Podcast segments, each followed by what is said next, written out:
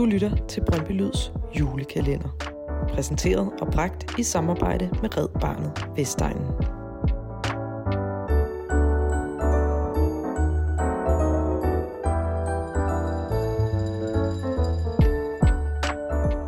Frivillighed, fællesskab, samarbejde og den der helt særlige Brøndbyånd, der hersker på Vestegnen.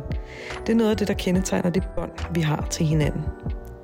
Og det er noget af det, vi måske skal bruge december på at minde hinanden om. Især i en tid, hvor der er rigtig mange ting, der minder os alle sammen om det modsatte. Rigtig glædelig blågul jul.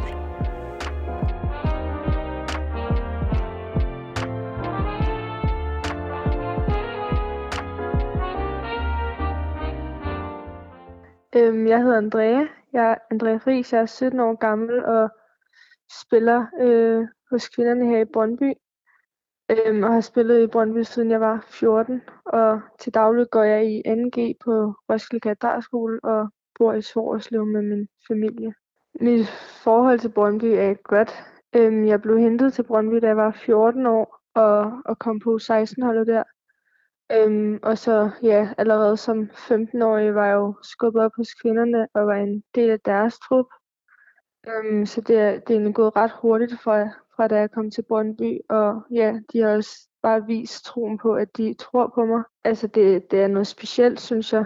Øhm, og ja, Brøndby som helhed synes jeg er noget specielt. Øh, og også her efter min min anden korsbåndsskade har jeg virkelig kunne mærke en, en støtte og omsorg af klubben og fans, og, og det viser også, at Brøndby ikke bare er en klub, men, men det er noget helt specielt at være i Brøndby.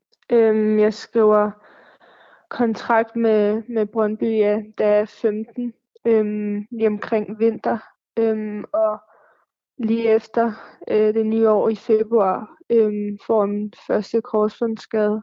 Øhm, og på det tidspunkt havde jeg ikke nået at spille sådan mega mange kampe for kvinderne. Så det, det var lige en stopper for, for det hele, og, og det jeg var i gang med, som ja, gik hurtigt og gik rigtig godt. Det var altså, det er mega hårdt at rydde ud igen, øh, især fordi jeg har, jeg har brugt lidt over et år på at komme tilbage til kamp igen, øh, og skulle være meget tålmodig. Øhm, og så det med at komme tilbage til kamp, det, altså, det er jo selvfølgelig et kæmpe mål og mega fedt. Men der, jeg har også skulle bruge tid på at, ligesom at komme tilbage til mit gamle niveau, og det har også taget tid. Øhm, så her, da jeg kom tilbage, har jeg jo skulle bruge tid på at, at finde mit gamle niveau. Øhm, men jeg, jeg kom nåede lige at komme omkring U19-landsholdet igen, og var til samling og EM-kval, og så nåede jeg lige at spille en, en hel kamp for kvinderne, inden at jeg ja, fik min anden skade her, øhm, som ja, lige var virkelig hårdt at være i det, det, jeg kom ind, da der var, jeg tror, omkring 20 minutter tilbage. Øh, og Lina skulle ind, der kom i foran 2-0.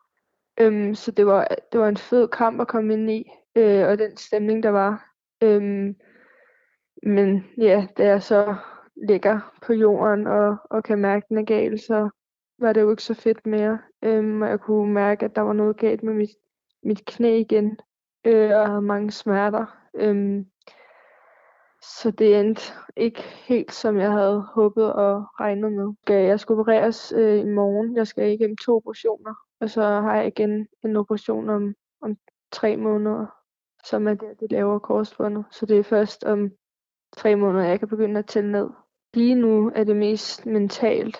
Øhm, også fordi lige nu kan jeg ikke lave så meget. Jeg kan ikke ligesom arbejde mig helt tilbage. Øhm, men jeg kan huske for sidst, der var det øh, en blanding øhm, af det mentale og fysiske, fordi at det med at ture ting og stå på knæet igen, det er jo det er meget mentalt, men alt det fysiske, der hører med, og man skal næsten træne hver dag, og der er meget, man, man skal lave træning. Øhm, men jeg tror for mig, så er det noget af det mest det mentale, der, der er hårdest. Jeg blev scannet, øhm, var det to dage efter.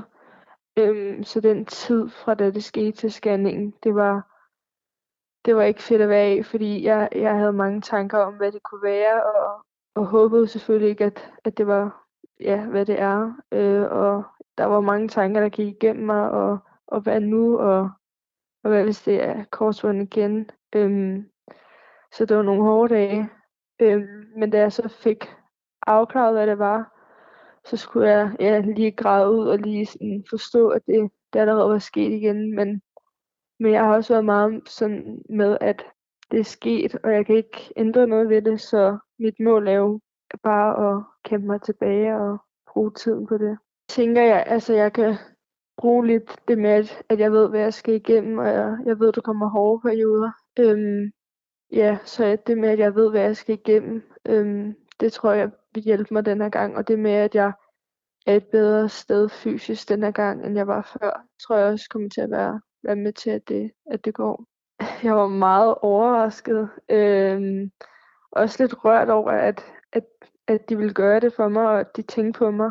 Øhm, og indsamlingen og alle de beskeder, jeg har fået, har virkelig også ja, vist, hvad, hvad for en klub Brøndby er. Og det med, at, at man ja, at der er et billede af en til en indsamling øh, med Brøndby, det, det er meget stort, synes jeg. Øhm, jeg blev meget glad for gaven, og også overrasket over, hvor mange der ligesom havde, har bidraget til gaven. Øhm, så jeg, jeg var meget glad og taknemmelig, og det betød virkelig meget for mig. Brøndbyen for mig, det er stolthed, sammenhold og den omsorg, der er med hinanden i klubben, men alle i klubben, spillere og fans og frivillige. Og for mig så den støtte, man møder, øh, for eksempel i modgang, som jeg er lige nu, viser også, hvad Brøndby er for en klub.